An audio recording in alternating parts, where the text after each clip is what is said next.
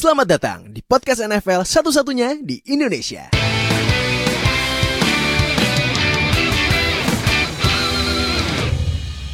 Baik sama gue Fadil host kalian di Zero Knowledge Podcast Setiap hari Rabu kita ada weekly review Sekarang kita di week 2 review Nah Tuh di sebelah kiri gue Itu di bawahnya week 2 review ada fit Si- Eh jangan gue gak sebut namanya Nanti aja nanti aja Nanti aja orangnya belum datang Gak bisa ntar tungguin aja Ntar juga datang orangnya Nah seperti biasa Gue kedatangan tiga tamu Ada Nuha Yo, halo. yang pakai kaos. Nah, kaosnya kebetulan nih tamu spesialnya fans tim ini, tapi Iya nanti nih. pas pas ini Spesial pas. untuk me- menghormati. tamu. Nah, gitu. nah, terus ini kebetulan nih eh tapi kan kalau lu tahu eh Nuha kan fans Rams. Kalau yang di bawah gua ini Fadil Wayo kan ah ada Bro Fadil Wayo, gua baru inget Bro Fadil Wayo. Nah, akhirnya menang ya kemarin. Yo, i. Ah, sakit dengernya ya. aduh, Oh, akhirnya ngomongnya akhirnya. Kok sakit ngomongnya. tapi kan tapi kan ya, tapi kan di AFC East kita eh AFC AFC North kita menang udah ada win ya kalau Bengals kan belum ada deal. Enggak bukan, at least enggak kayak yang satu lagi. Oh, yang di sebelahnya Fadil Ohio, aduh ada Oka yang Ini tapi Nih Dengar Oka kata Oka Fadil kalau kulit Oka gue liat kok kayaknya nggak nggak nggak nggak terlalu happy ya. Semakin tersakiti. Ja- jangan bilang kata-kata itu. Jangan- Oh iya nih. Semakin ini ya. Nih, tar ya, tar, tar. Jadi kita kan sebenarnya ada oh, ya kan biasa ada grup-grup WA kita ya. Nah, ini Oka mau bikin bet ini. Mau bikin taruhan nih. Karena nih dari bilang resmiin nih, resmiin di zero knowledge deal. Nah, Kak, silakan Kak. Bac- eh, bilang Kak, apa taruhan sih? Gue mau ngomong aja dengkul gue langsung lemes loh. Baru mau ngomong, belum belum juga ngomong. Apa gua aja yang ngomong? oke, jadi, jadi Eh. Kan gue lo pada tahu adalah fan ah gue adalah fans Houston Texans. Iya. Di mana sekarang Houston Texans sekarang skornya 0-2 ya. 02. Iya, Hmm, 02. 0-2.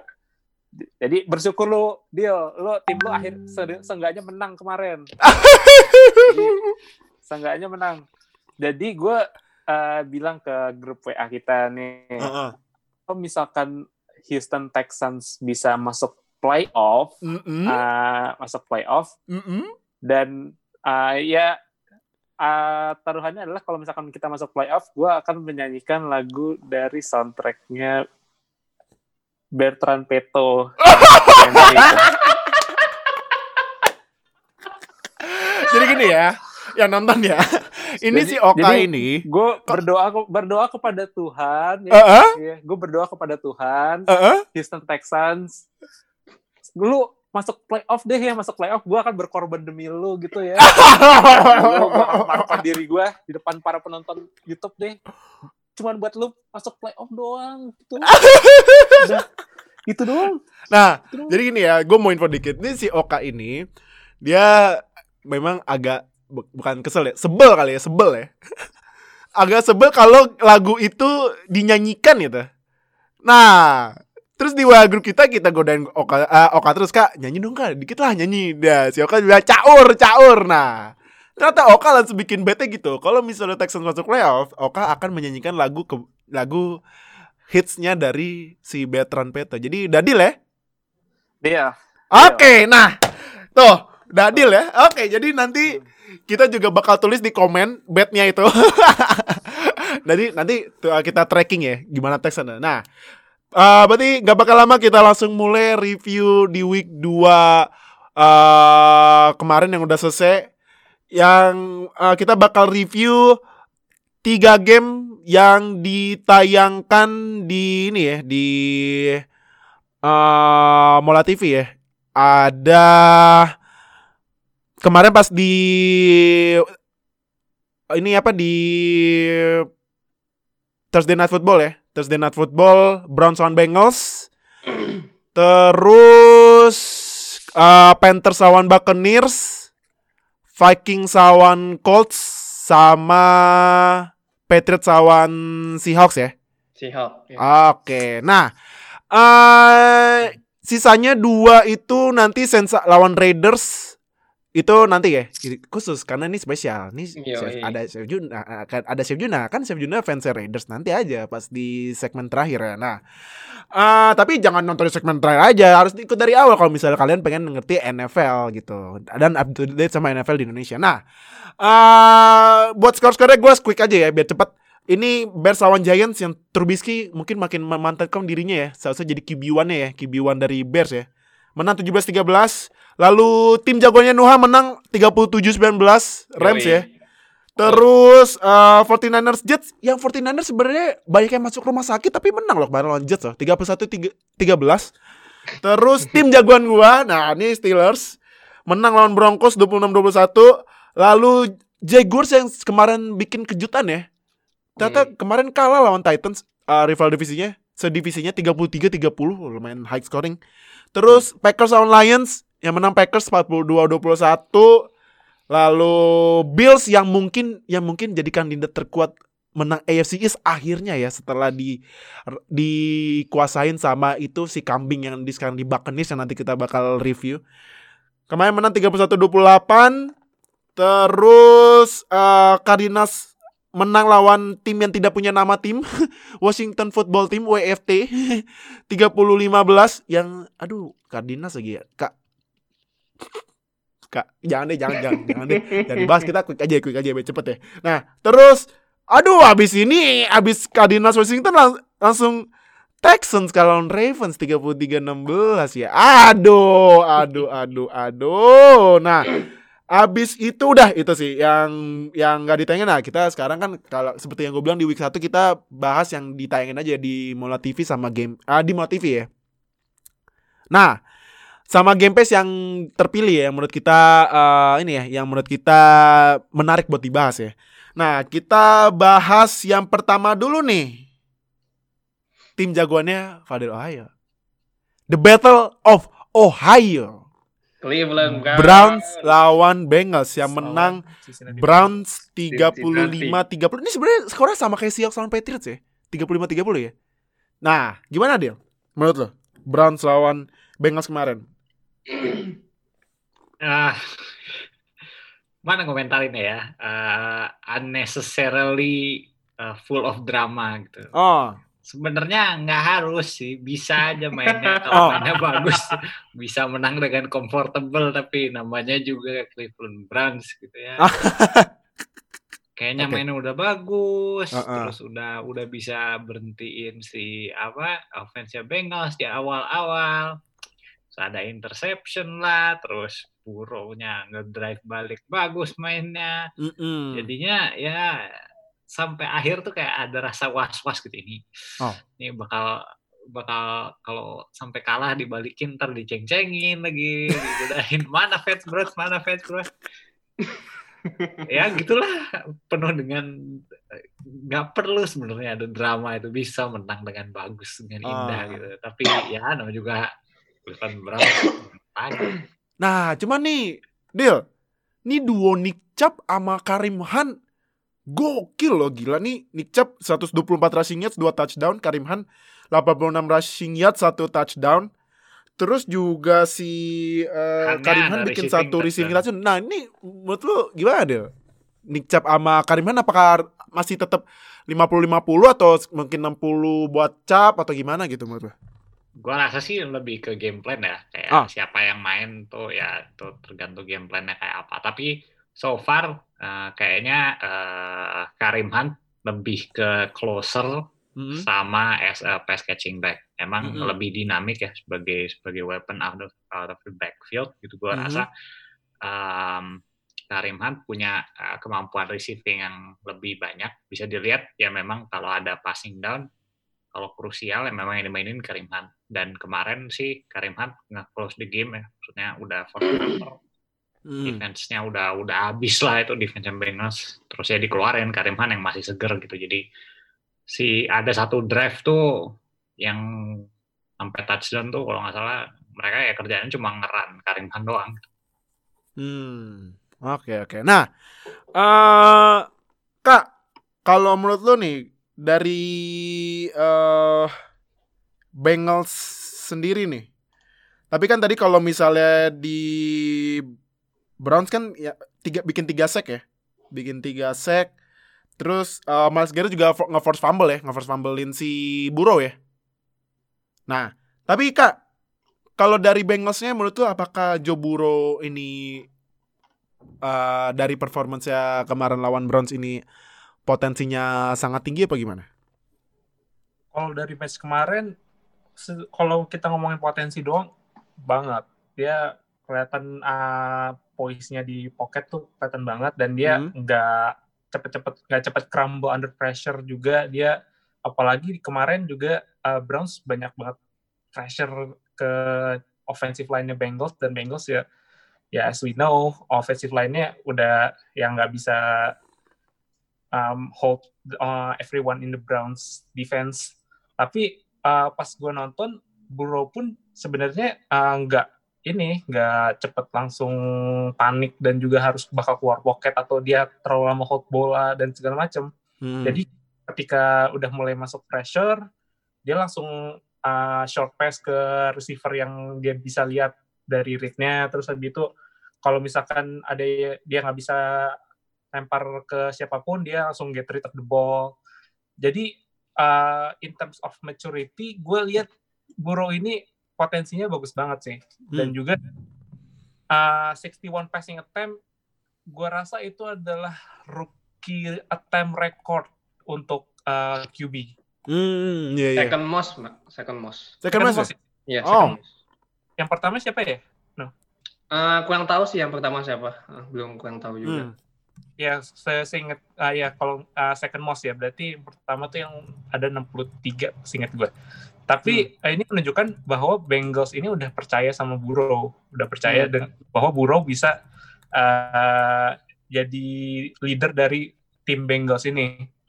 Iya. Karena dengan 6 attempt itu dan juga dia ada tujuh kali attempt attempted rushing itu ya menunjukkan bahwa Bengals tuh udah uh, bisa percaya sama uh, Joe Burrow sebagai quarterback of the future. Hmm. Oke oke oke. Nah, ini kalau dilihat eh ini kalau gue lihat di statsnya nih ya. Ini Joe Burrow kan 61 ya. 61 passing attempt. Ternyata 55 lim- enam- 61 ternyata masih ada yang oh eh Carson Wentz dulu pernah 60 gila. Oh, yang paling Hmm. banyak ini Chris Wank Chris Wanker namanya. Dia Chris 63 kali passing attempt loh pas rookie dulu pas jadi QB-nya Mantan- Panthers. Nah, Ya mantan Kok- Heisman sih soalnya. iya menang mantan peman, mantan pemenang Heisman. Nah, sekarang gue ke Nuha kan karena Nuha uh, rookie analis ya. Nah, Nu, kalau menurut lu Burrow dengan 61 kali lempar ini gimana dari analisis passingnya kalau dari lu? Dia 60 sorry, Hmm. 61 ini dia ah cuman sayangnya ya, ini 61 ini 13 kali ngetargetin ke AJ Green, cuman Hmm. tiga doang yang nangkep. Gimana nih, Kak? Eh, gimana nih? Eh, Nu. Gua rasa sih memang ada peng- ada sedikit masalah di weaponnya si Burrow ya. Heeh. Apalagi ini AJ Green yang di yang di awal di ya sebelum season dimulai lah digadang-gadang bakal menjadi wide receiver-nya wide receiver number one Bengals dengan kemampuan di trade-nya dengan dia tinggi dengan ya skill- all all of his skill set. Tapi nyatanya kemarin di di game kedua tuh dia blow out banget cuma bisa nangkep tiga dari 18 catch yang udah disebutin Fadil tadi Hmm. dan itu memang ada ma- itu memang be- jadi major major weakness sih kalau menurut gue ya jadi Hmm. karena dengan ketidakmampuannya AJ Green untuk menangkap bola itu banyak banget kayak Joe Burrow tuh jadi kayak ke- kehilangan opsi buat untuk mengejar bola-bola apa untuk melempar bola-bola deep threat Hmm, hmm, hmm.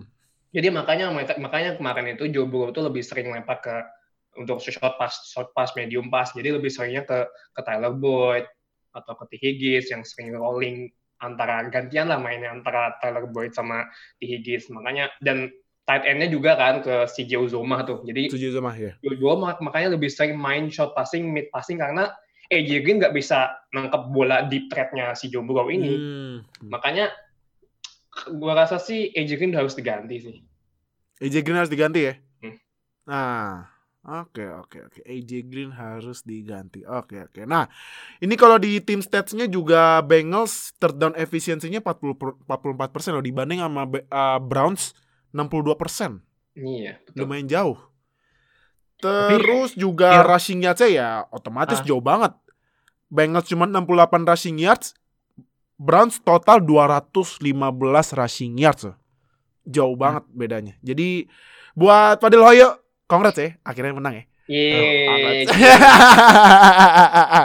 nah, next kita ke match eh ini yang main di Senin ini ya, Senin pagi ya.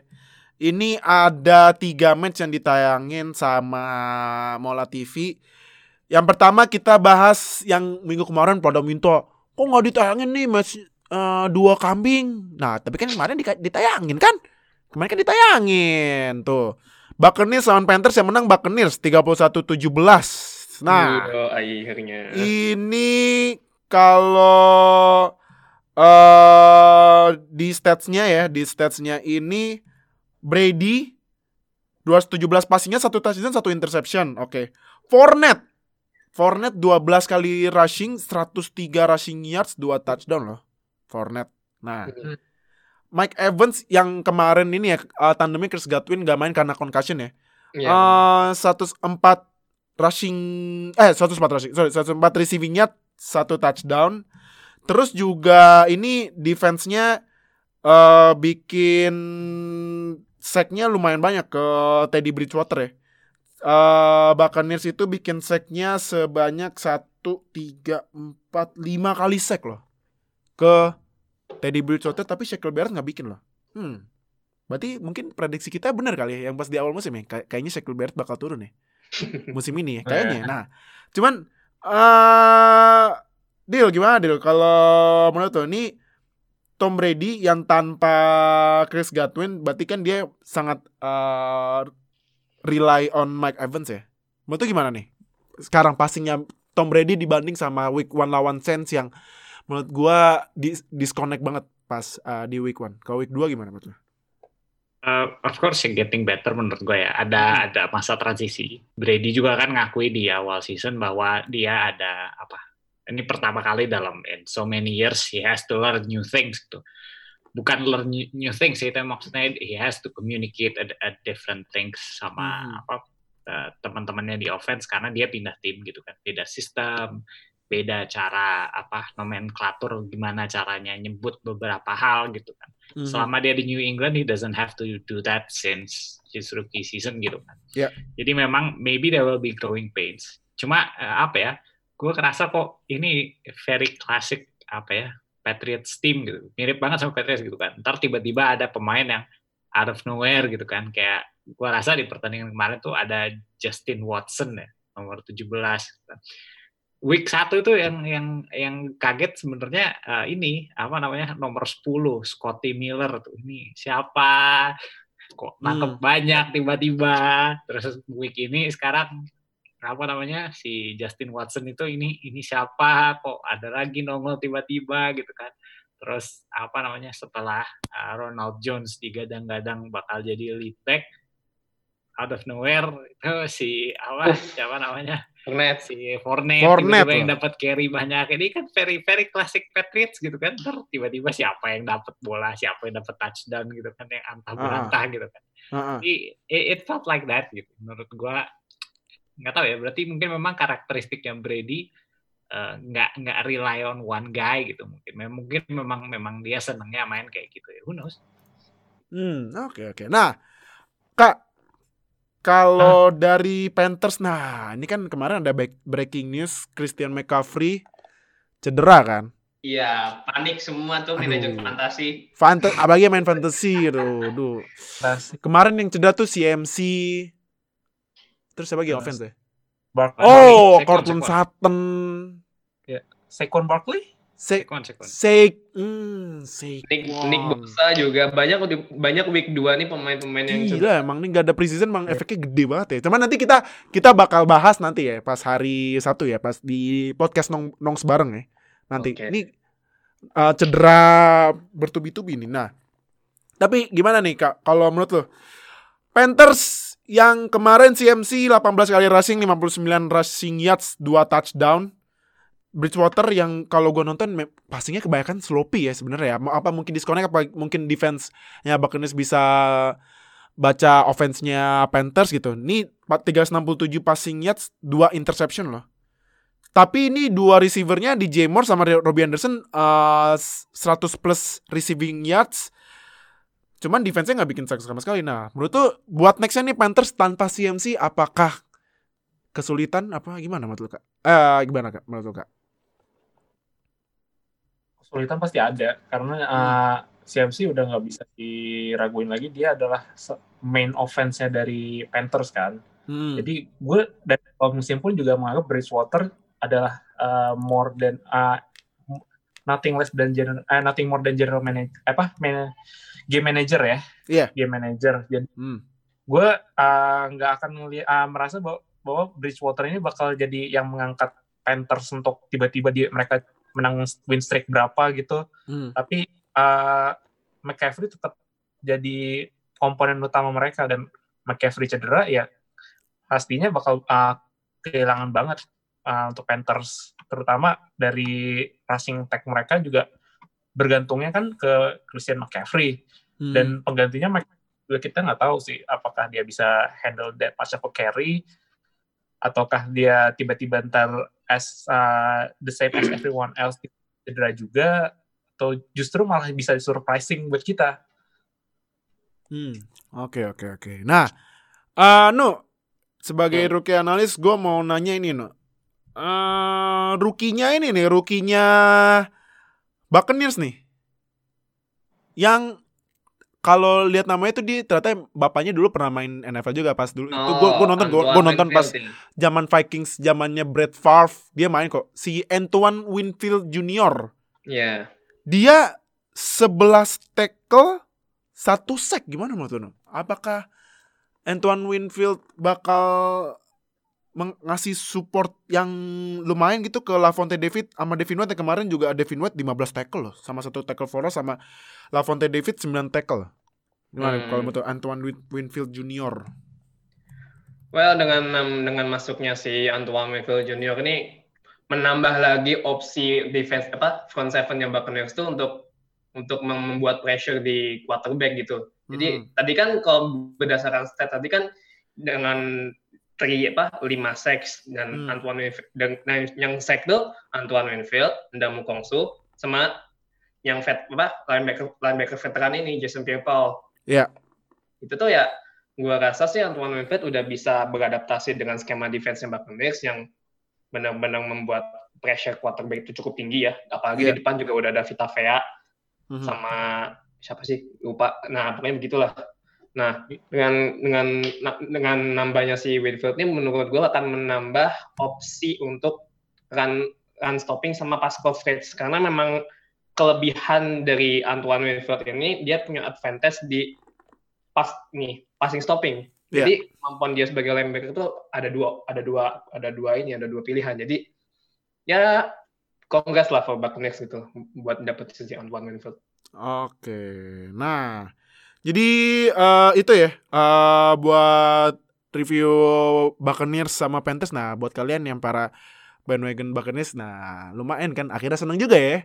Setelah week 1 dikalahin sama Saints, tapi lumayan lah Buccaneers masih masih ada chance lah di NFC South. Yang menurut kita mungkin prediksi kita salah kali ya. NFC South kirain kita bakal bloodbath. Ternyata kalau dilihat di standingsnya ini ternyata NFC West loh tim yang Oh. masih unbeaten masih ada tiga tim loh kecuali tim BPJS itu uh, 49ers eh 49ers uh, udah menang dua kali ya sorry Hospital. Uh, ini uh, tim yang belum menang berarti kalau di NFC West itu Nggak ada. oh nggak ada ya nggak ada ya, ya, ya. Nggak ada. At least udah udah udah dapat nama udah Udah benar benar ya nama ya ya sorry sorry sorry sorry sorry sorry. Nah, uh, next kita ke ini. Kita ke Colts lawan Vikings yang menang Colts 28-11. Yang menurut gue ini Vikings kenapa ya? Kenapa Del nih? Kalau lihat nih kayak passingnya ke passingnya nggak connect banget ini benar deh.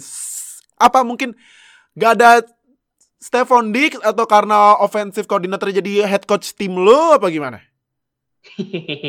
Ah, Kevin Stefanski gitu.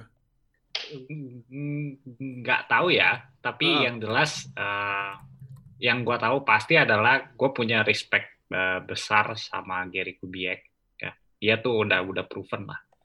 Yang ngajarin Shanahan itu dia, ya, Mm-mm. ngajarin eh, siapa McVay itu dia, Mm-mm. yang ngajarin apa coach uh, Stefanski sekarang karena menurut gua uh, Viking sebelum dia masuk hmm, ada suksesnya tapi nggak nggak setinggi season kemarin pas ada dia gitu. Mm-mm. Jadi gua ngerasa kalau scheme wise mungkin dia udah a little bit outdated ya, maksudnya Hmm. scheme dia agak kolot lah istilahnya. Tapi menurut gua uh, masalahnya lebih besar daripada skema. Ah memang uh, di beberapa apa ya, di beberapa advanced stat uh, Hmm. banyak yang uh, mengagungkan ya uh, Cousins, Kirk Cousins dan Derek Carr gitu kan ya.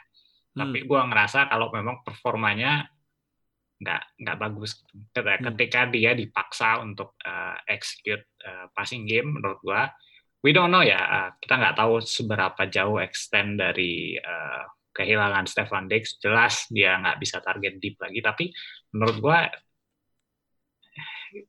nggak nggak nggak se, nggak seberpengaruh itulah memang a- ada I don't know what tapi passing game mereka emang lagi nggak Hmm. jalan gitu Iya. iya. Dan ya gitu running game-nya kalau mereka predictable nggak ada apa nggak ada change up yang berarti ya sulit gitu. Hmm. gua rasa soalnya online mereka juga biasa aja gitu Oke oke oke oke. Nah, eh Kak, kalau kalau dari Colts-nya gimana Mbak tuh? Nih Jonathan Taylor, wuh, Jonathan Taylor yang kemarin Marlon Mack cedera out for season ya.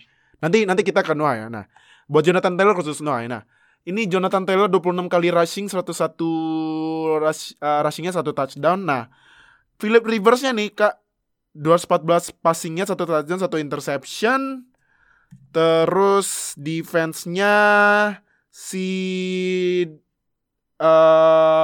Darius Leonard 6 kali tackle sama DeForest Buckner bikin satu kali sack walaupun kemarin ke- kehilangan Malik Hooker tapi menurut gimana nih defense Colts yang eh mungkin memanfaatkan Vikings yang masih goyah gini ya menurut gimana Colts kemarin sih gue pas nonton itu ketika gue ngeliatnya kayak Vikings kayak nggak terorganisir aja kayak Ah. banyak, banyak banget miss assignment terus habis Mhm. itu ada route yang salah dari wide receiver terus Iya. habis itu fans juga mereka salah uh, nge-cover pemain yang harusnya mereka uh, mereka cover sendiri.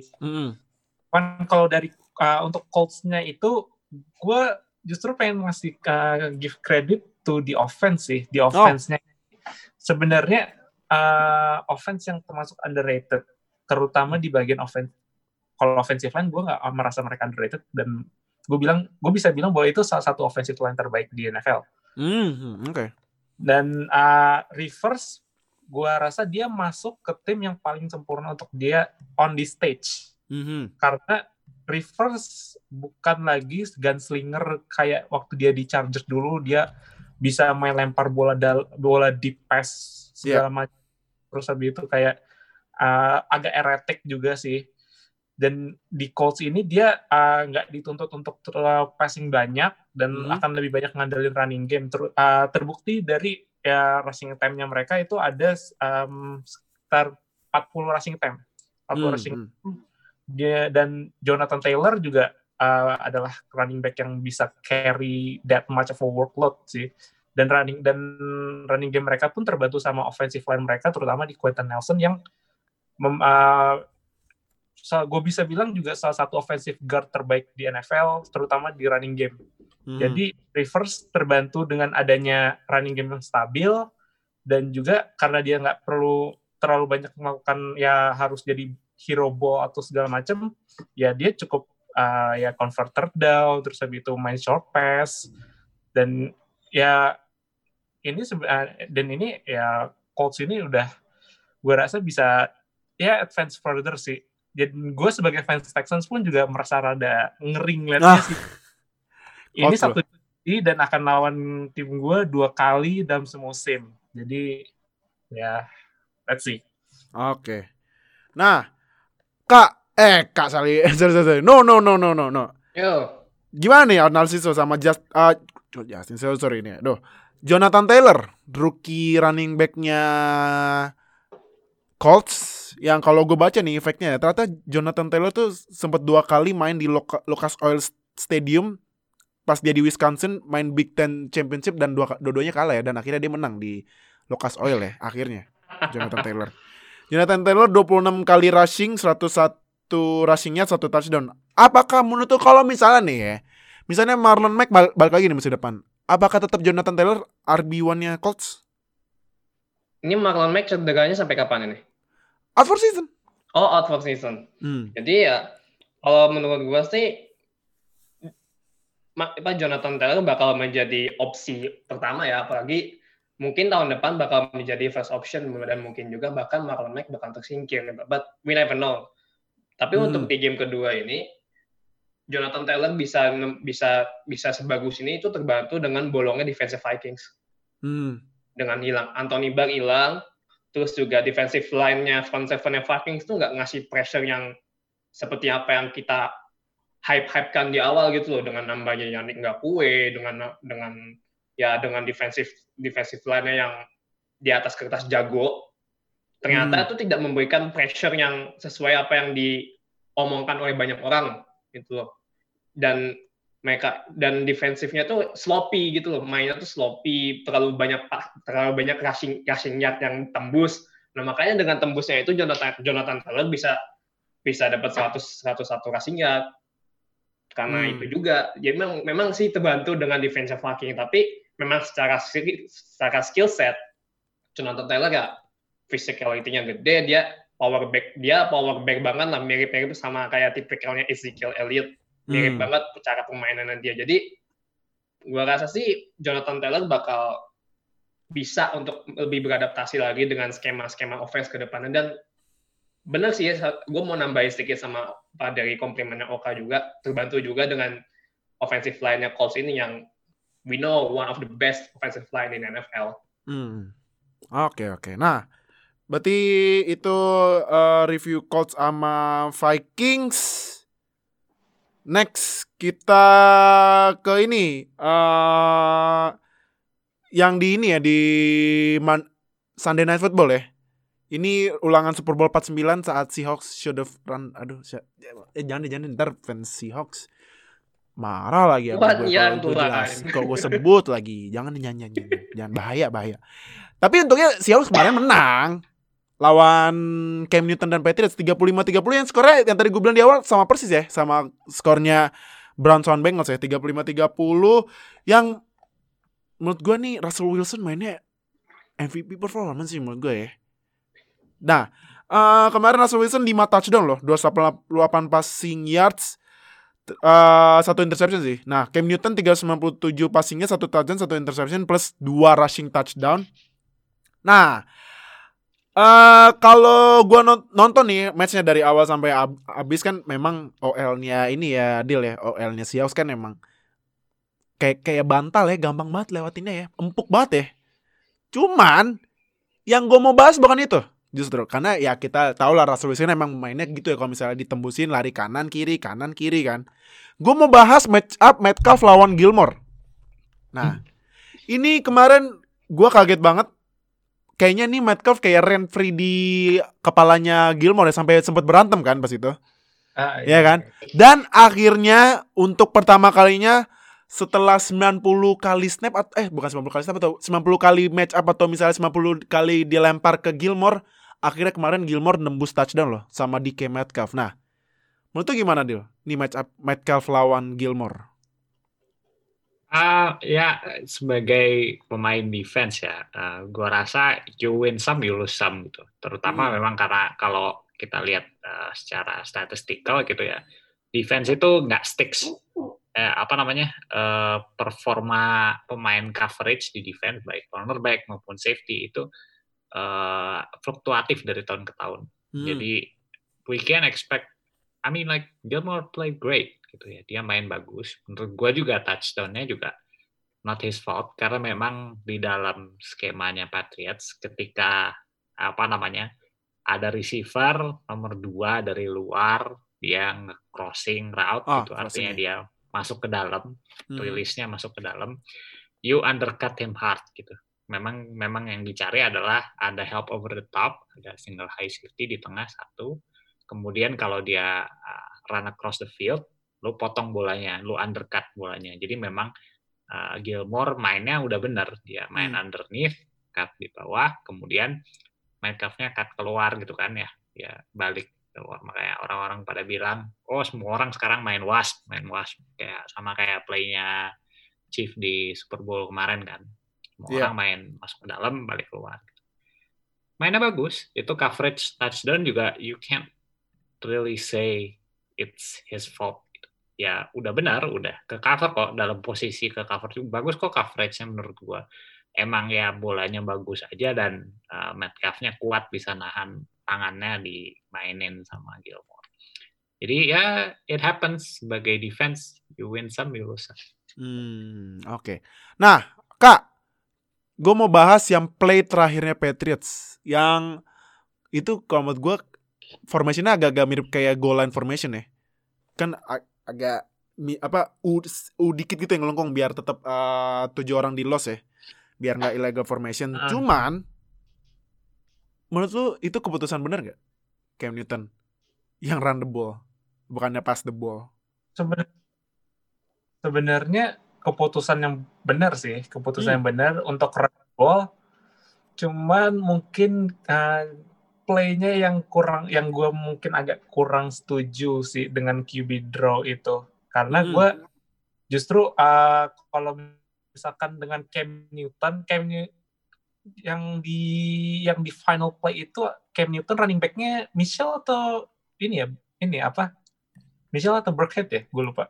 Eh, Michelle sih kemarin yang lebih banyak Michel lari kalau sih. Michelle. Sonny ya Sonny Tujuh Michel. ya. kali lari sih. Hmm, jadi gue uh, setuju dengan keputusan untuk running the ball ya, Mm-mm. karena emang lo udah di goal line, lo cuma butuh beberapa yard dan lo punya salah satu running uh, rushing QB terbaik sih di uh, NFL di Cam Newton.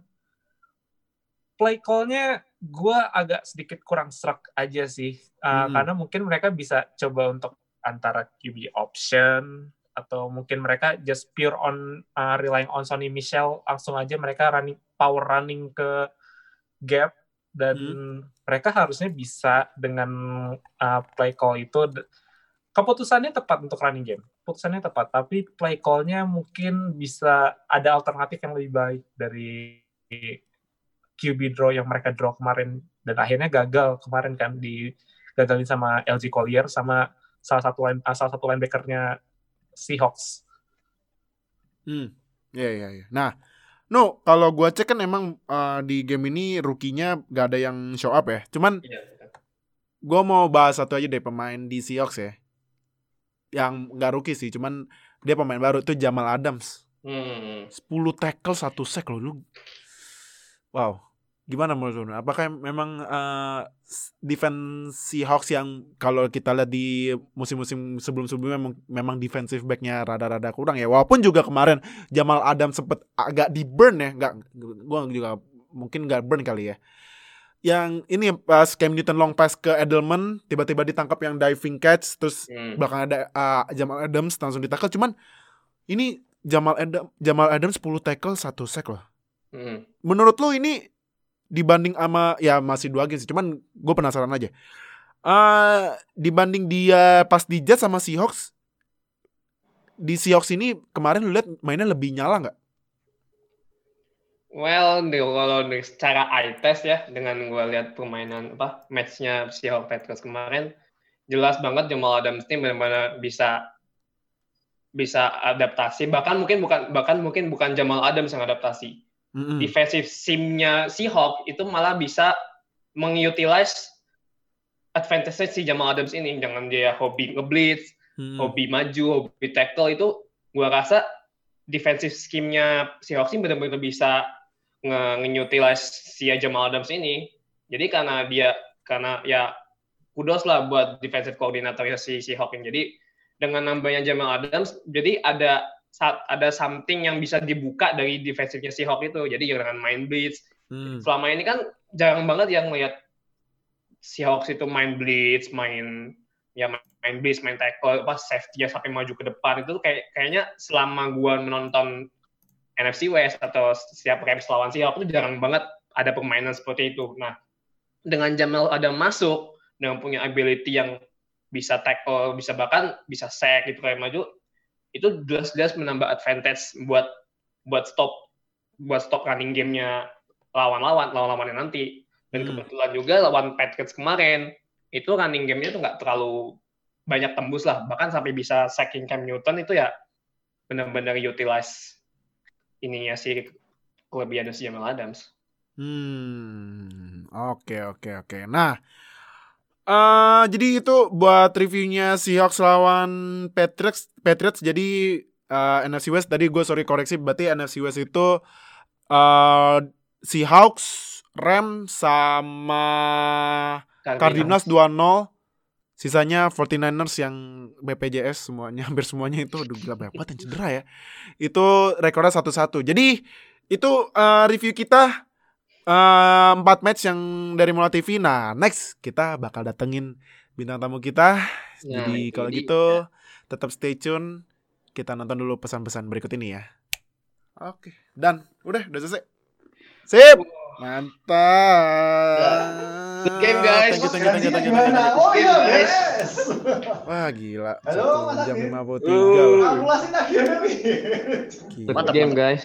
Thank you, thank you, thank you. Ntar gue ini dulu. Tunggu? Eh, salah gue. Siap.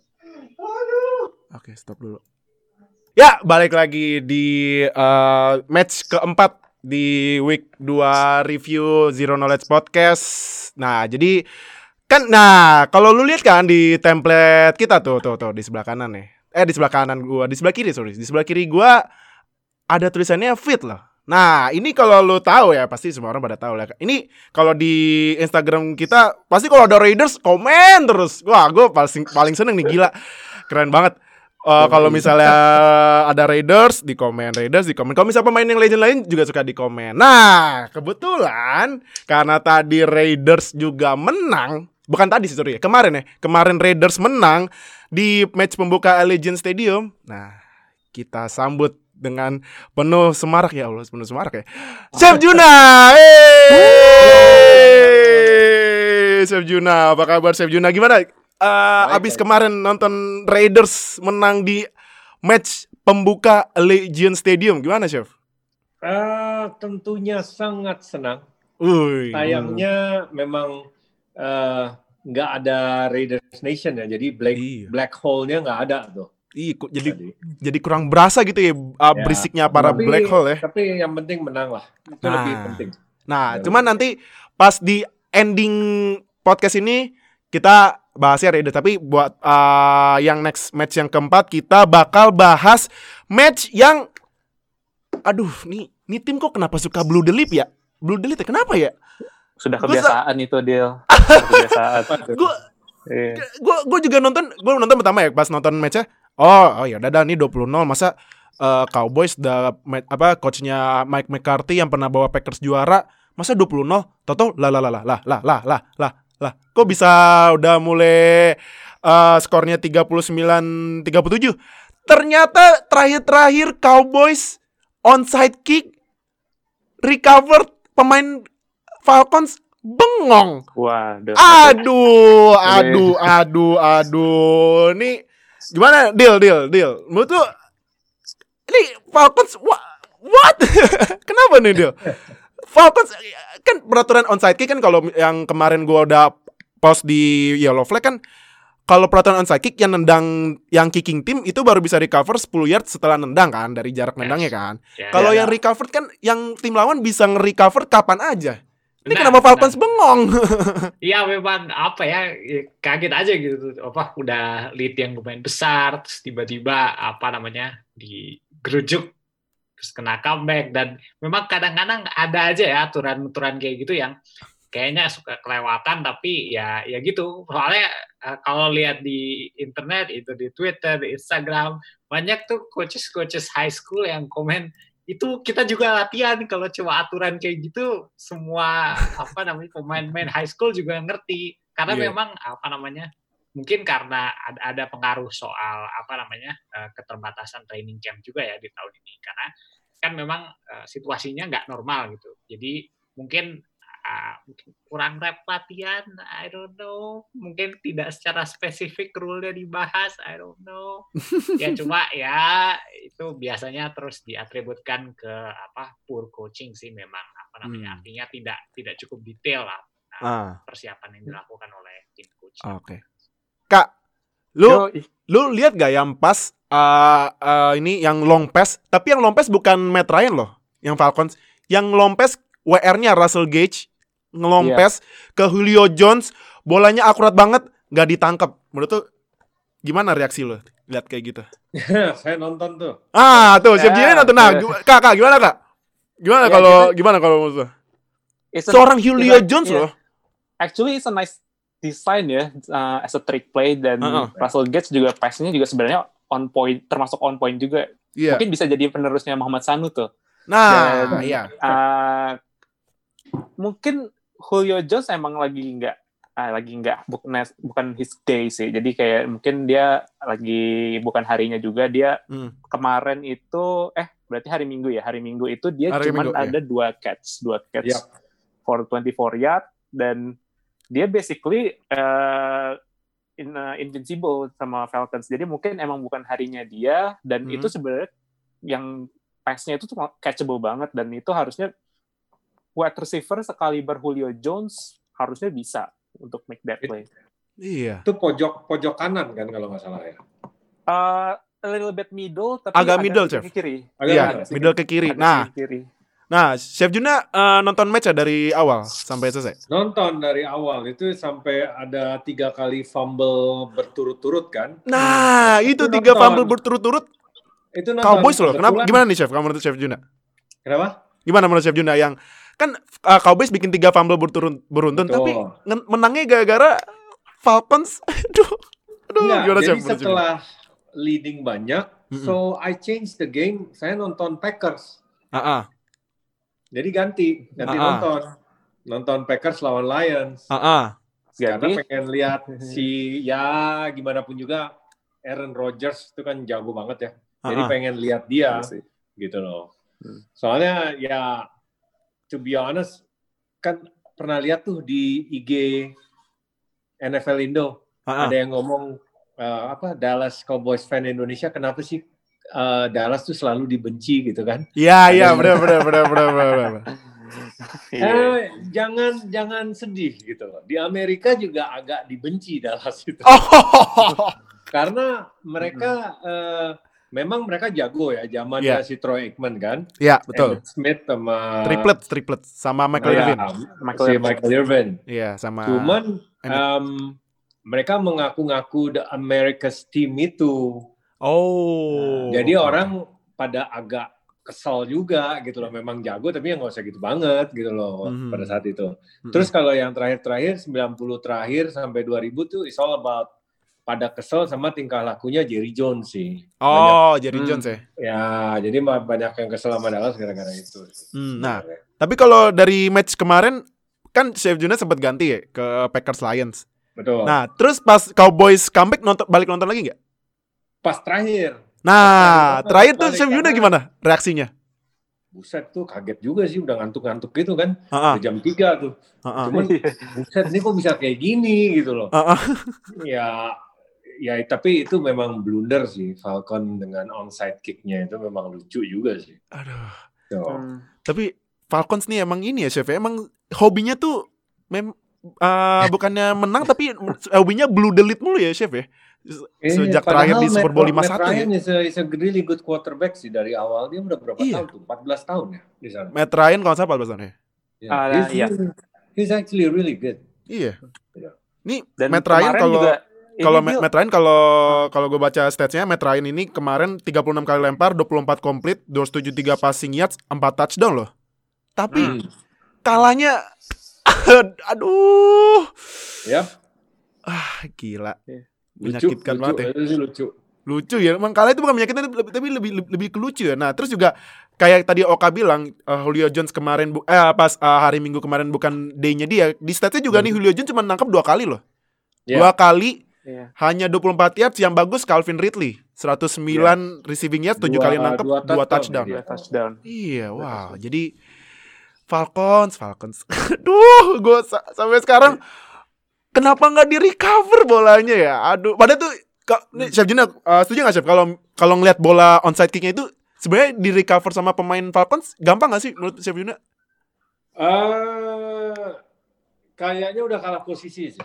Kayaknya udah kalah posisi. Jadi Kalah memang posisi ya? itu is, is a is a well designed onside kick Heeh. di mana dia naro ballnya itu flat kan. Flat iya, nggak pakai Dia nggak pakai sanggaannya. nggak pakai Dan sangkaan. kayaknya memang itu udah bikin bingung si special timnya Falcon sih kayaknya. Oh, iya bener juga. ya. That, that, that, kay- kayaknya ya. Iya, iya, iya. Tapi gimana pun juga bola gerak harusnya dikejar gitu loh. Iya. But still itu udah udah karena ada satu pemain Dallas kan yang benar-benar itu ditungguin udah nutupin pakai badannya begitu lewat. Jadi sebelum dia lewat garis Hmm. dia udah actually menjatuhkan badannya gitu loh. Dia timingnya ra- nomor berapa tuh? Dia timingnya bener banget sih. Iya. Gitu. iya. Yang recover onside kicknya namanya CJ Goodwin. Dan Oh, fun fact-nya itu dia adalah mantan uh, pemain practice squadnya dari Atlanta Falcons. Wah, ini sebuah. ada misi pribadi. Galak, galak, galak. galak. Nah, cuman Oke. Kak, cuman ah, cuman Oh kak, kalau menurut tuh kak, itu bolanya gampang di recover nggak sih? Kalau lihat onside kicknya, kan bolanya kayak kayak rada misang, tapi kan ya nggak nggak mantul mantul banget kan? Tapi menurut tuh gimana kak? Sebenarnya flat sih harusnya bisa, harusnya Ha-ha. bisa. Ha-ha. Dan Falcons ya harusnya bisa recover walaupun dengan posisi mereka yang sebenarnya udah deket banget dari bola dan juga udah tinggal recover aja dan mereka nggak ada lim nggak ada limit buat harus recover di yard berapa. Nah, iya iya. Deal gimana deal menurut lo deal? That onside kick. menurut, menurut, menurut gua kembali ya back back to coaching jadinya mungkin apa namanya tidak ada penekanan bahwa ya, kayaknya memang benar-benar timnya Falcons tuh kayak benar-benar nungguin di apa si 10 yardnya itu jadi kayak mereka dapat emphasis dari coaching kan setiap sebelum apa special team uh, play kan biasanya ada huddle dulu di sideline kan Iya, biasanya coachesnya kemudian memberikan point of emphasis apa yang harus dilakukan, apa yang kalau bisa dihindari gitu. Iya. Setiap setiap sebelum apa special team play.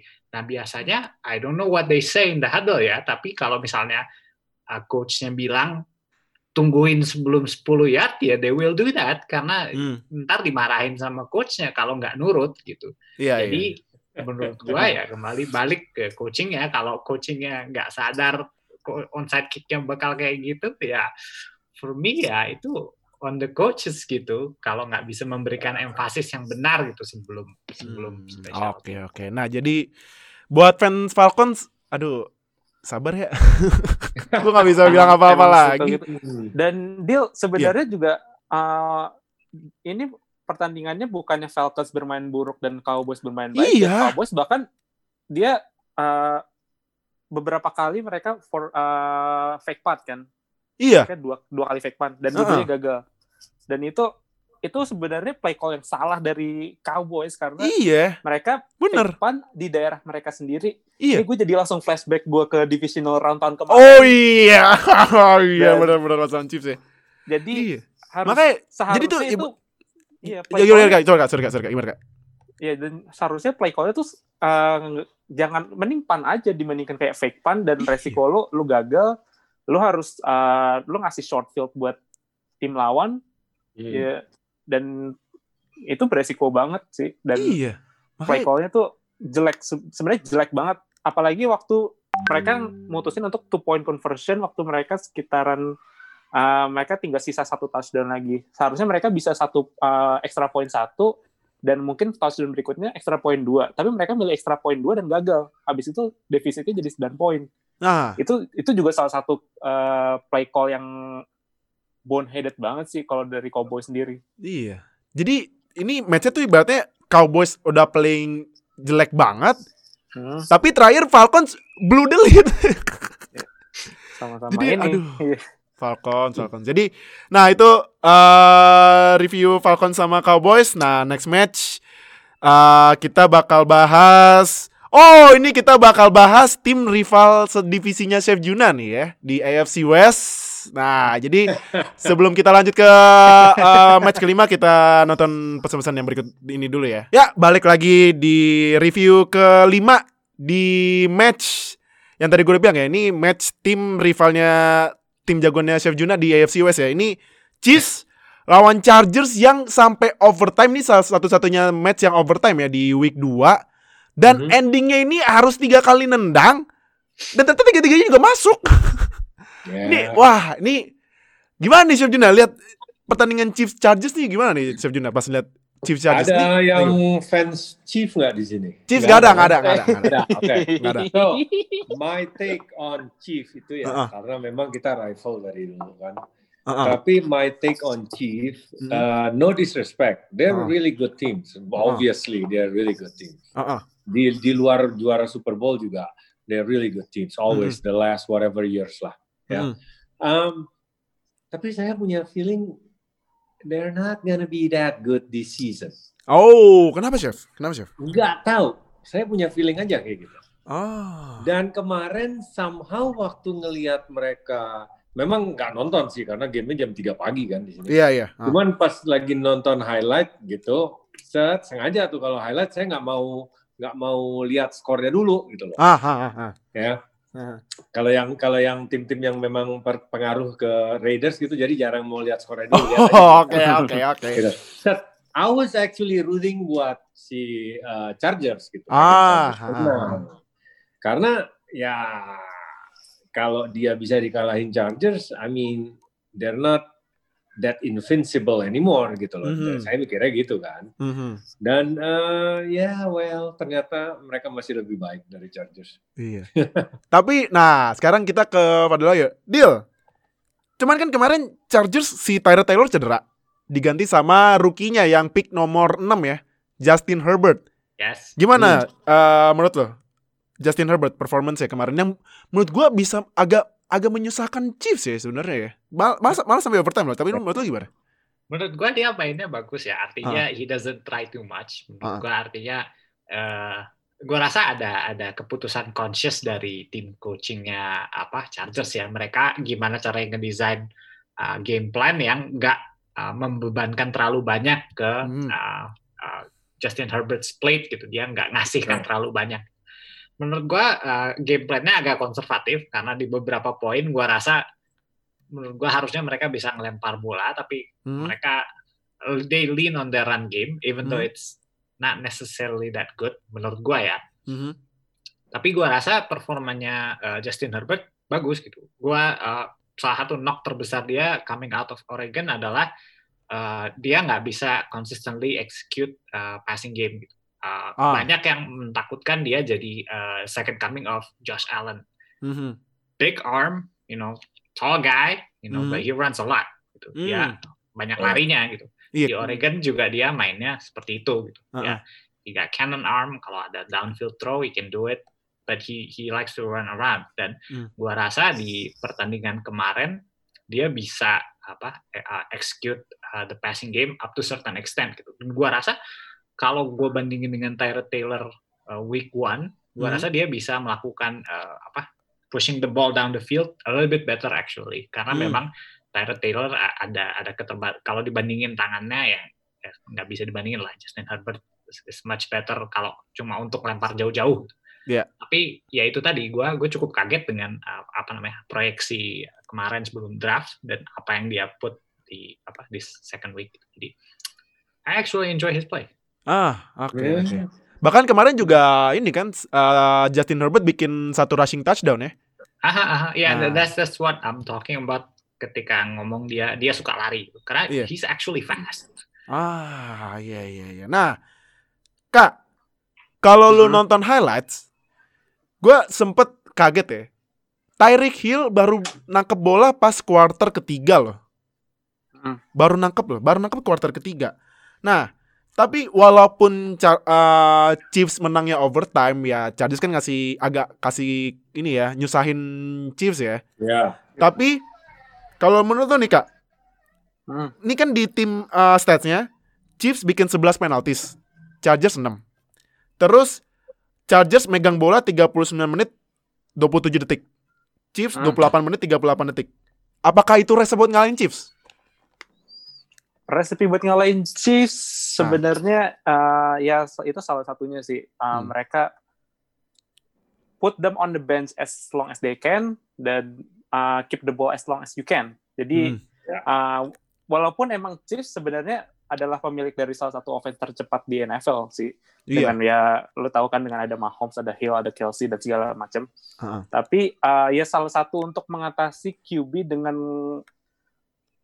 arm segede Mahomes yang bisa push uh, down the field-nya cepat dan juga receiver-receiver yang udah cepat banget Hmm. adalah uh, possession selama mungkin jangan kasih mereka kesempatan untuk drive offense se- sebagaimanapun caranya sih. Hmm.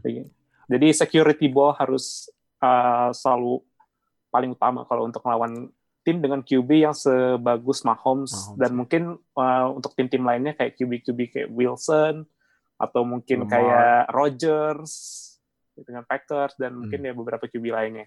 Oke. Ya, Nah, like like Breeze sama Raiders sama kemarin juga sama kan? Nah, iya Ah. benar benar benar benar. Nah, teman nanti Iya. kita bahas yang Breeze Iya. law- eh, lawan eh, Breeze lawan Carr ya nanti. Ini terakhir nih spesial. Cuman eh eh buat eh, ini kalau ya, kalau nggak salah di fourth quarter itu Chargers megang bola 10 menit ya.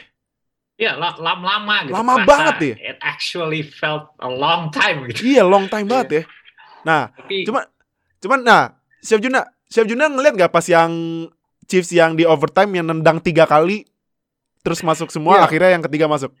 Iya, itu kan yang yang pertama itu time out ya kalau nggak salah. Iya. Pertama time out ya, kedua false start itu nggak salah. is a penalty, is start. it? Iya. No, no, False yang, start, yang pertama, yang pertama Yang false pertama start. Oh, pertama false start. Oh, false start, ya. Kedua Ice the eh, kicker.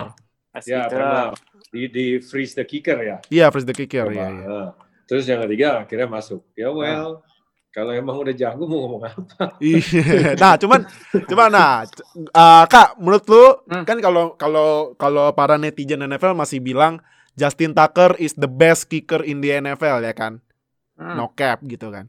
Oh. dengan Harrison Butker kayak gitu yang tiga kali lu bayangin aja tiga kali yang pertama 53 yard terus penalti mundur ke 58 yards terus timeout masih nice 58 yards tiga-tiganya masuk menurut lu sekarang Harrison Butker nggak Bob? Eh, ini ya kicker terbaik di NFL Yang gue selalu consider terbaik sih ada tiga kicker di NFL. Yang pertama ada Justin Tucker, Mm-mm. ada Harrison Butker, sama kicker dari New Orleans Saints, Will Lutz. itu Will Lutz. Ah. Iya, Will Lutz.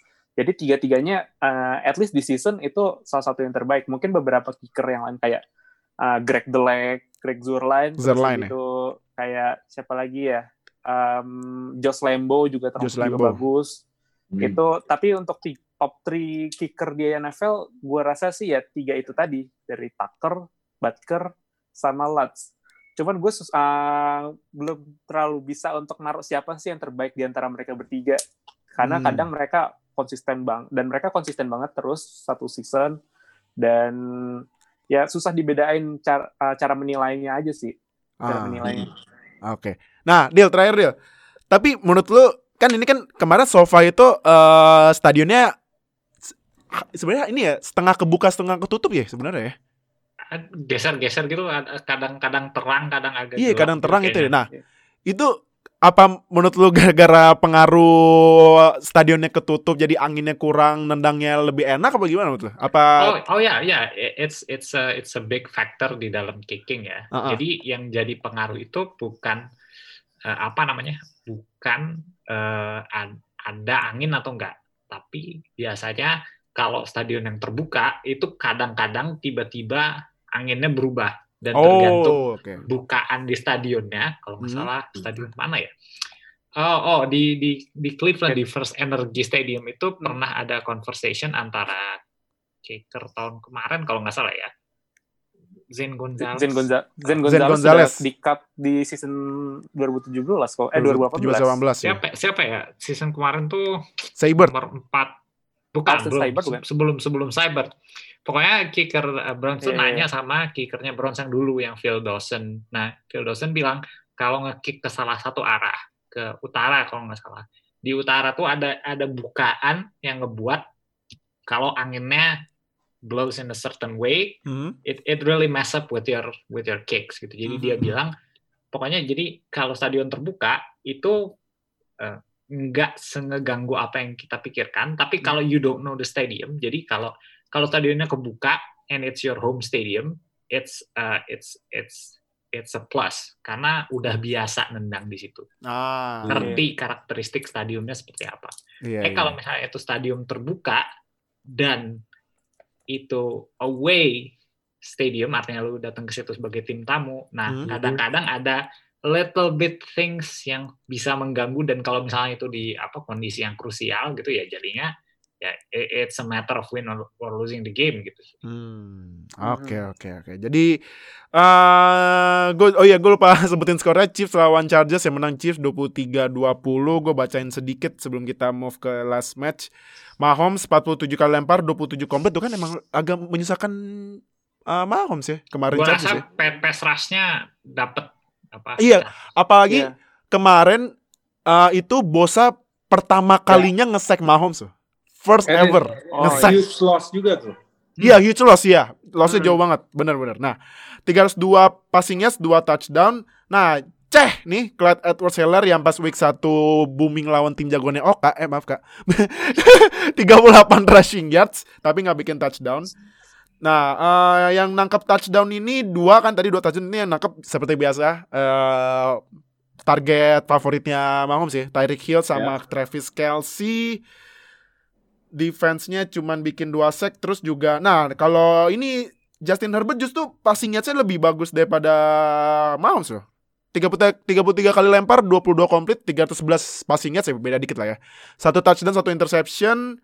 Eh Keenan Allen 96 receiving yards, 7 kali nangkep sama satu sack ya, sacknya dari Joey Bosa. Nah, itu congrats buat fans Chiefs, buat fans Chargers ya nggak apa-apa lah yang at, le- at least udah tahu ya. Oh, ini jadi kayak gini cara ada cara sebenarnya buat ngalahin Mahomes. Timnya punya potensi kok. Ya, Iya, timnya punya potensi, punya potensi Iya. emang. Nah, eh jadi mungkin Chargers udah punya oh, kayak ini ada cara nih buat ngalahin ini ya, ngalahin ah Chiefs ya. Jadi, nah, next eh, atau last buat di podcast ini kita bakal bahas. Nah, ini karena ada Chef Juna kita bakal bahas tim yang main di stadion terbaru nih, yang di yang Cie, katanya stadion baru. yang yang julukannya Death Star. Kenapa Death Star katanya ini ya katanya kalau misalnya musuh lawan um, apa All Dreams will be will dead ya di sana ya. Will be crushed. Will be crushed ya. Jadi nightmare. Nightmare aja dia masuk ke LG Stadium. Nah, next kita bakal bahas Raiders lawan Saints, tapi sebelum kita bahas kita nonton dulu pesan-pesan berikut ini ya. Ya, kita balik lagi di match terakhir di week 3 review season 2020. Nah, seperti yang gue bilang tadi, nah kita bakal bahas tim jagoannya Chef Juna. Nah, Raiders yang main pertama kali di stadion yang sangat wah. Saya nonton di nonton di ini nonton di Game Pass ya Chef ya. Ya. Nonton eh, Raiders lawan Saints di Al- Allegiant.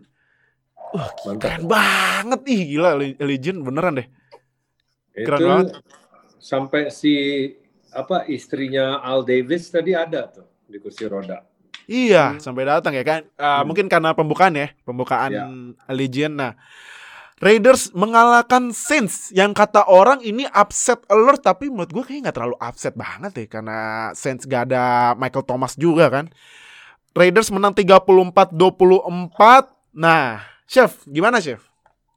Gimana reaksinya Chef? Ah, Gimana rasanya? gimana ya kalau upset alert sebelum game kan orang pasti ngomongnya upset alert gitu. Ah, ah. Cuman kalau saya nggak bisa ngomong gitu karena Hmm. eh, gimana pun juga pasti akan bias ya. Kita Ya. always want our team to win ya kan. Mm-mm. Jadi kalau bilang upset ya pasti maunya upset gitu. Cuman uh, again uh, saya tahu banget uh, Breeze and the Saints dari zamannya Breeze uh, baru naik ya, baru masuk NFL dan di- dia dia kan di New Orleans which is sebelahan sama kota saya dulu di Houston di Texas. Oh, Jadi- Houston ya? Iya, iya, Jadi iya. di Houston itu juga banyak fansnya um, Saints, ya. Aha. apalagi uh, zamannya kena Katrina dan lain Ah, sebagainya, iya, uh, Katrina. hurricane. Jadi Hmm. banyak pokoknya di Houston itu banyak orang dari Louisiana. Jadi Hmm. we see a lot of uh, who that, Who That fans. Who That ya. Nation ya. Ya kan? So, dan kita agak mirip sih memang sama-sama The South kan. Iya. So, um, Breeze is always amazing kalau di mata saya ya. Hmm. Ya, Kalau nggak pengen banget sih dia retired gitu. Dan kita juga tahu mereka itu high octane offense. Hmm. Nah, emang agak ngeri-ngeri sedap. Oh, ngeri ngeri sedap The, ya. the, the game, the, the Monday night game. Hmm. Udah gitu sebelum game saya taruh di Insta Insta Story gitu pakai baju Raiders saya apa video selfie gitu kan. Ah iya iya iya.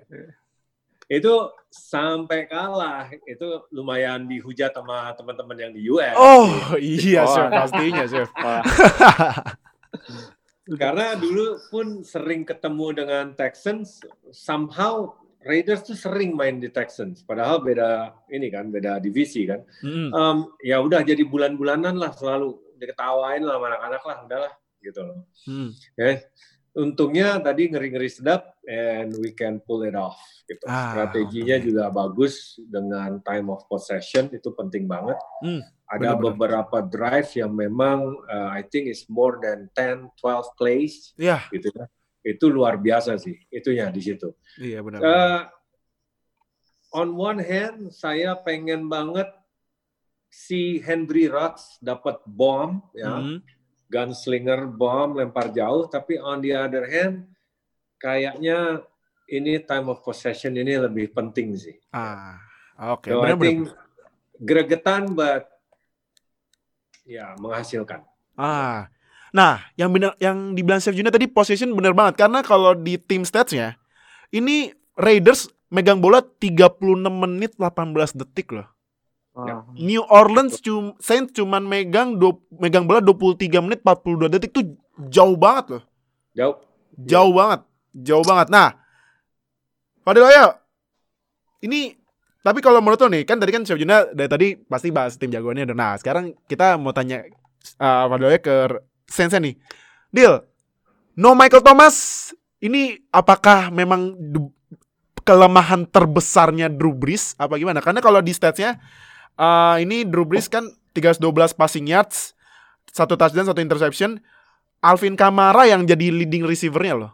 Nah, gimana dia? Kalau menurut apakah memang the biggest weakness of uh, Drew Brees adalah nggak ada Michael Thomas? Wait, Fadil uh, fansnya Saints banget. Oh, saya fans Steelers. Nih, Steelers saya pakai. nih. Oh, Fadil yang mana dulu nih? Fadil yang mana dulu? Fadil Ayo dulu, Fadil Ayo dulu, Fadil Ayo. Oh. Kalau Fadil Ayo pakai ah, dia fans Browns, Chef. Oh bro. Berat. dia Fadil ada dua, Chef. Nah, yang ini Fadil Oke. Ayo satu lagi. Nah, Oh, iya. Uh, Fadil Ayo gimana? Gimana gimana menurut lo? Apakah beneran uh, Michael Thomas itu kelemahan terbesar uh, Drew Brees karena dia nggak ada karena cedera? Menurut gua enggak. Oh, kenapa? Kenapa? I- In a sense, yes, but menurut gua enggak juga. Bukan karena enggak ada Michael Thomas. Jadi Ah. uh, Michael Thomas helps a lot ya karena uh, mirip dengan apa stylenya yang tadi Chef Juna bilang soal Raiders. Hmm. Uh, in recent years ya, in recent years Drew Brees relies a lot on on the short passing game gitu. Mereka Mhm. relies a lot on converting third downs, Mhm. making things manageable. Ketika datang Alvin Kamara, mereka they lean on their ground game. A couple years back kan waktu masih ada Mark Ingram kan, Mhm. mereka apa jalan banget gitu offense-nya yang memang run the ball, Mhm. convert third down Yeah. dan rely on apa uh, actually having a lot of time of possession gitu, ngelimit possession dari uh, lawannya. Nah, it helps because karena memang meskipun it's a, it's a I don't know ya, mungkin kita ngerasa kayak itu sebuah meme ya kayak Michael Thomas only catches slants gitu kan. Mhm. Iya iya iya. itu Oh iya benar benar. Dil. Iya. Benar benar. tapi tapi uh, it's actually true gitu untuk untuk short yardage uh, Michael Thomas is actually uh, among the very best wide receiver untuk untuk short yardage ya untuk rute-rute pendek dan untuk converting third down possession Mhm. base he's he's he's the very best gitu dia value yang dia bawa kalau Mhm. kita lihat di advanced statistics dia hanya hanya dengan dapat passing yang pendek dia bisa memberikan value yang tinggi gitu dan Hmm. nggak adanya dia itu berpengaruh da- eh, dari short passing game Oh. dari Saints sense. makanya akhir- akhirnya yang jadi uh, they rely on Alvin Kamara gitu karena Alvin Kamara ya? untuk untuk short passing game itu skill setnya itu spesifik gitu nggak Iya. nggak banyak yang bisa memenuhi uh, apa namanya uh, skill set yang dibutuhkan oleh wide uh, receiver untuk itu karena sebenarnya uh, I have to say that sekarang Saints punya weapon gitu Jared Cook ya kan masih Mhm. ada apa Emmanuel Sanders Emmanuel juga kan. Sanders. tapi skill set mereka berdua bukan bukan untuk short passing game gitu dan ini yang berusaha gue coba bilang uh, data-datanya menunjukkan bahwa uh, Drew Brees is actually declining in terms of uh, apa arm strength dia nggak Oh. punya lagi kemampuan buat drive the ball down the field mungkin karena memang sudah tua ya Iya. sudah 41 tahun gitu kan Mhm.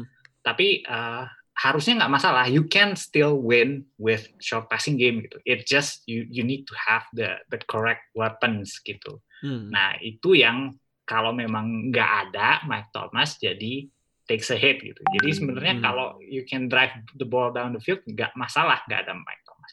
Karena Hmm. weaponsnya ada. Cuma ya itu tadi karena memang game mereka di sana dan Mike Thomasnya nggak ada. Ya apa boleh buat memang they they took a lot of hits. Oke. Nah, eh, oke sekarang kita eh, buat ini ya. eh, yang sekarang kita bahas eh ininya ya, apa eh, defense-nya Saints ya. Ah, Ini kan eh, Saints bikin tiga sack ya. Cuman ya nggak ada turnover se- sedikit pun ya. eh, kenapa menurut lo nih defense-nya Saints? Ap- apa yang salah? Apakah karena run defense-nya atau pass defense-nya bagaimana kalau menurut Saints? Gue sih nggak uh, ngelihatnya mungkin secara defense Saints, Saints juga nggak terlalu ini sih nggak terlalu buruk in terms of like uh, mereka kejebolan passing ataupun rushing yang mereka nggak bisa tackle segala macam. Mm-mm. Jadi uh, kesalahan mereka yang pertama adalah mereka terlalu banyak concede penalties ya. Penalti Hmm, mereka hmm. termasuk uh, mereka termasuk kayak agak sedikit ceroboh in terms of like pe- penalty uh, especially in pass interference terus terutama yang mungkin yang pada nonton tadi ya tahu yang Janoris Jenkins bikin PI terus habis itu uh, field goal dari Raiders untuk icing the game ya. Jadi Iya. itu salah satu penalti yang krusial juga. Iya. but in terms of defense overall gua rasa nggak terlalu buruk sih uh, terutama kayak rushing defense mereka. Mereka cuman allow 3.3 rushing yards average per carry Hmm. Walaupun ya itu karena rushing attempts-nya dari Raiders ber 35 berbanding 19 untuk Saints. Hmm. Which is uh, means that rushing defense mereka bagus, rushing defense mereka bagus. Cuman mereka third down conversion mereka emang mungkin mereka memang sistem dari Raiders begitu. Sistem sistem dari Raiders mereka uh, running game in first and second down terus habis itu uh, make the short pass for third down conversion Hmm. dan repeat terus sampai mereka drive uh, downfield. Jadi formulanya dari Raiders ini yang memang udah bag- udah memang udah bagus dibandingkan uh, defense-nya Saints yang nggak begitu bagus. Hmm. Jadi gue uh, more giving credit to Raiders offense instead of uh, ya Saints, uh, Saints defense yang nggak bagus gitu loh. Oh, oke oke oke oke. Nah, Chef Juna, Hmm. nih gimana Chef kalau menurut Chef eh, performance-nya dari running back yang Chef Juna selalu bilang di IG Snap. snap. Totally snap, big time. Josh. Jacobs gimana nih Chef? Eh, kemarin itu dia 27 kali lari, 27 kali lari, 88 rushing yards. Gimana Chef kalau Josh Jacobs menurut Chef Juna? Oke, Um, tadi uh, compliment to uh, siapa Oka, Oka ya, Tadi Oka. ngomongin soal um, Saints defense. Kalau menurut saya, I think mereka benar-benar commit untuk stop the running game. Hmm. Ya. Hmm. Karena di sini kalau nggak salah, I don't have the statistic. Karena itu banyak loh yang Josh Jacobs ada enam kali kalau nggak salah. Itu yang stop in the line of scrimmage atau tackle for loss. Ah. Jadi, Iya. jadi mereka tuh benar-benar mau contain si Josh Jacobs gitu loh. Dan taunya the game changes. Si ya kembali lagi uh, credit for uh, Raiders offense.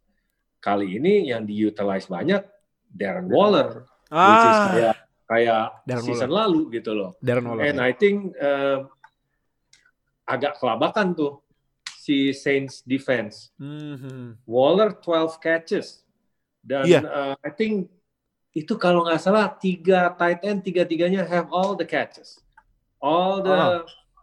all the receiver have catches. Iya iya. Oh iya iya benar Chef, benar Chef. Iya. Satu. Terus fullback Nah.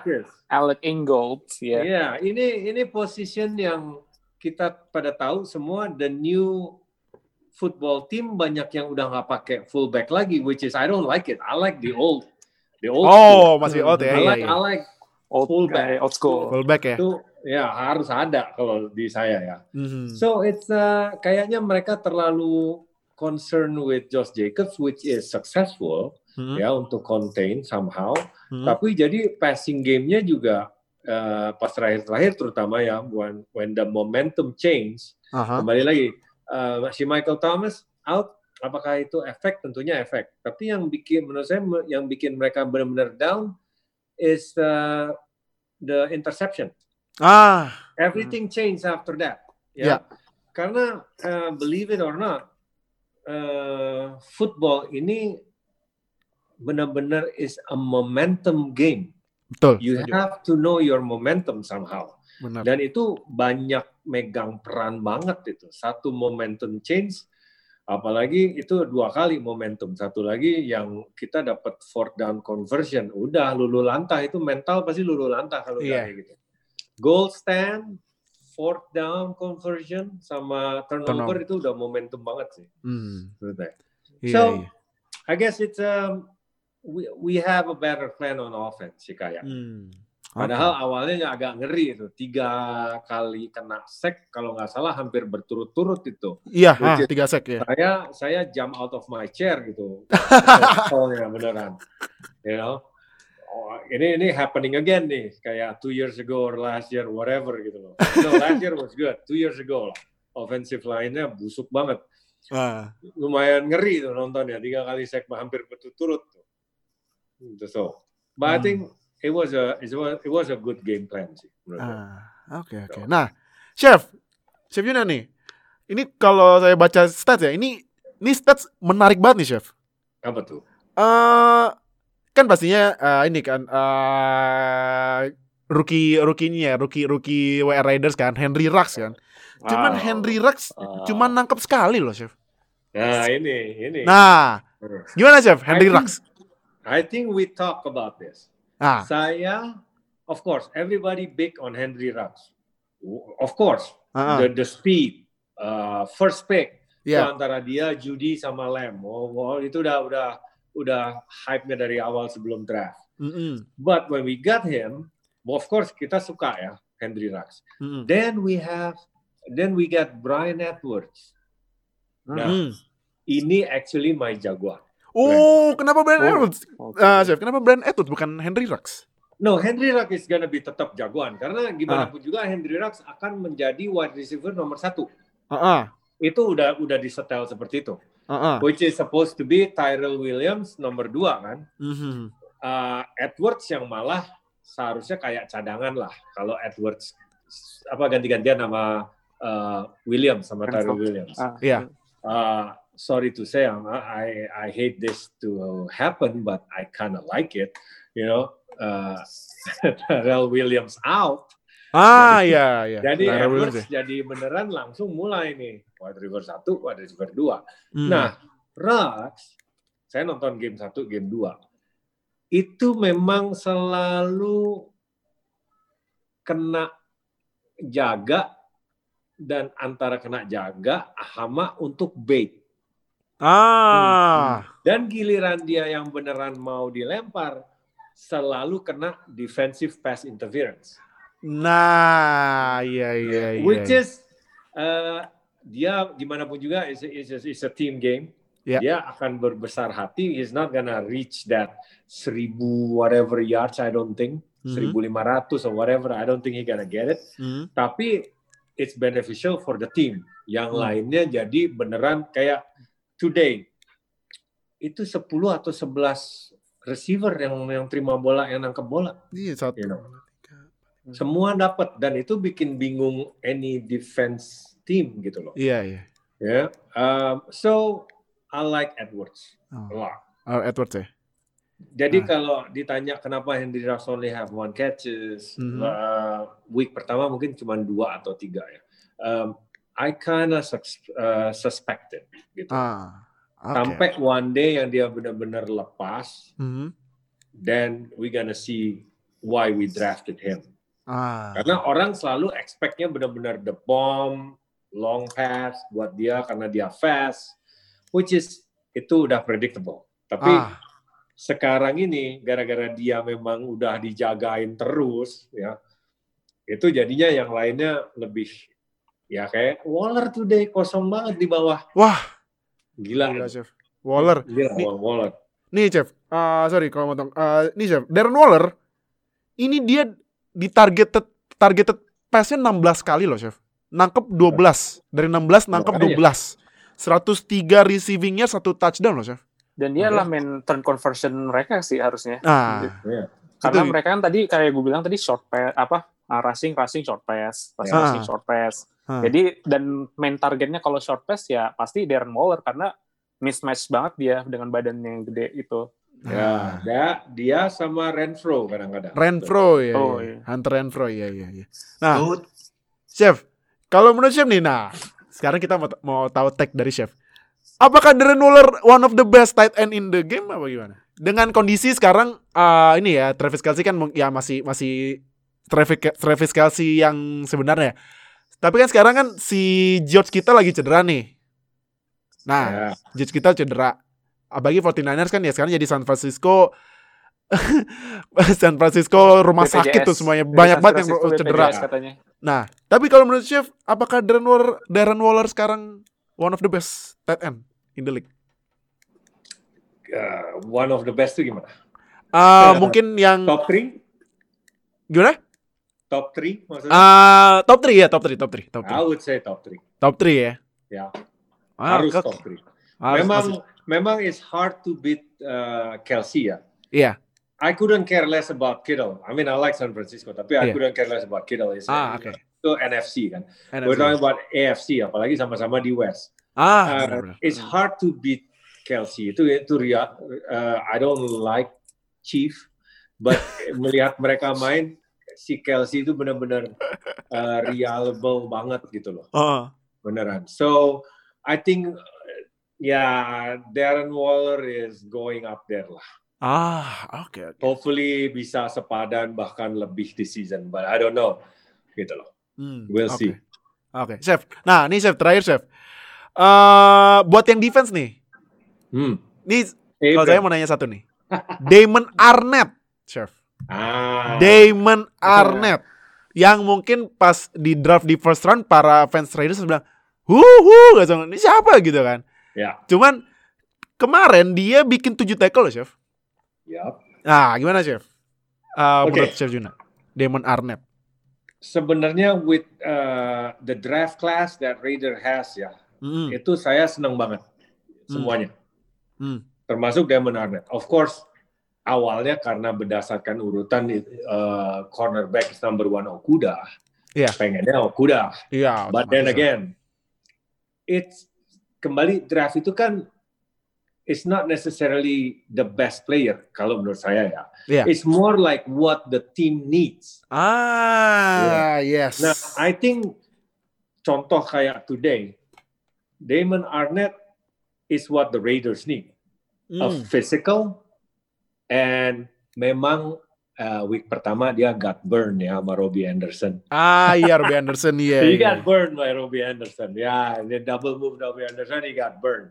Ah, You ah. know, but today ada beberapa saya lihat yang benar-benar uh, I think it's a three or four tackle yang benar-benar open field tackle one on one he got it. So Ah. uh, I think he's he's learning he's learning. Oh. Dan saya suka big physical uh, cornerback Ah. karena Trayvon Mullen yang satu lagi he's fast cuman lengthy gitu. Ah. Jadi dia lebih kurusan gitulah, lengthy gitu.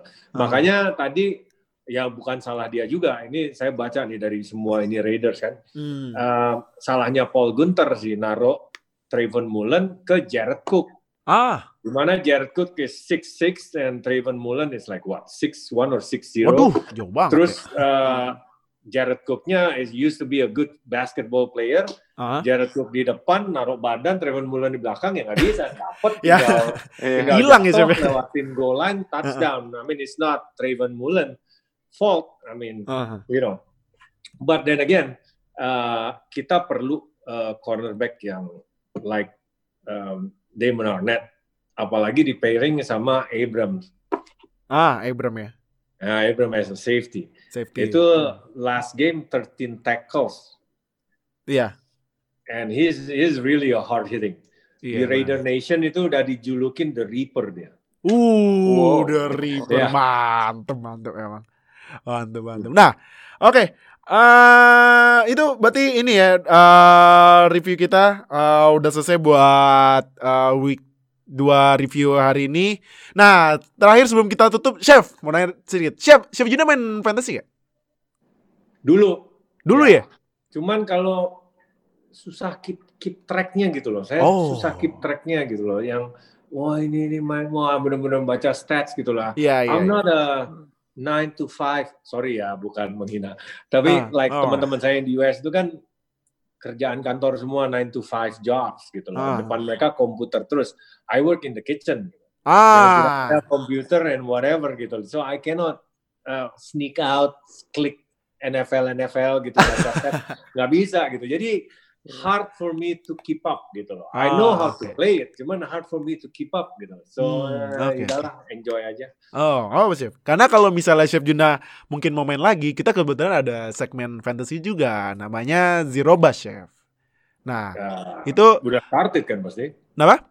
Udah mulai kan pasti. Udah, udah mulai, udah, udah week 2 kan. Nah, udah, kan- udah week 2 juga. Nah, jadi kalau misalnya Chef Juna main lagi nih, kita biasanya suka ngupload Zero Bus itu setiap hari Kamis sebelum Thursday Night Football. Kan Thursday Night Football di, Di Indonesia hari Jumat ya. Di upload di mana? YouTube di biasanya. Seperti biasa YouTube. Oke oke oke. YouTube. Nah, mungkin kalau misalnya Ya, pelajarin dulu lah. Nah.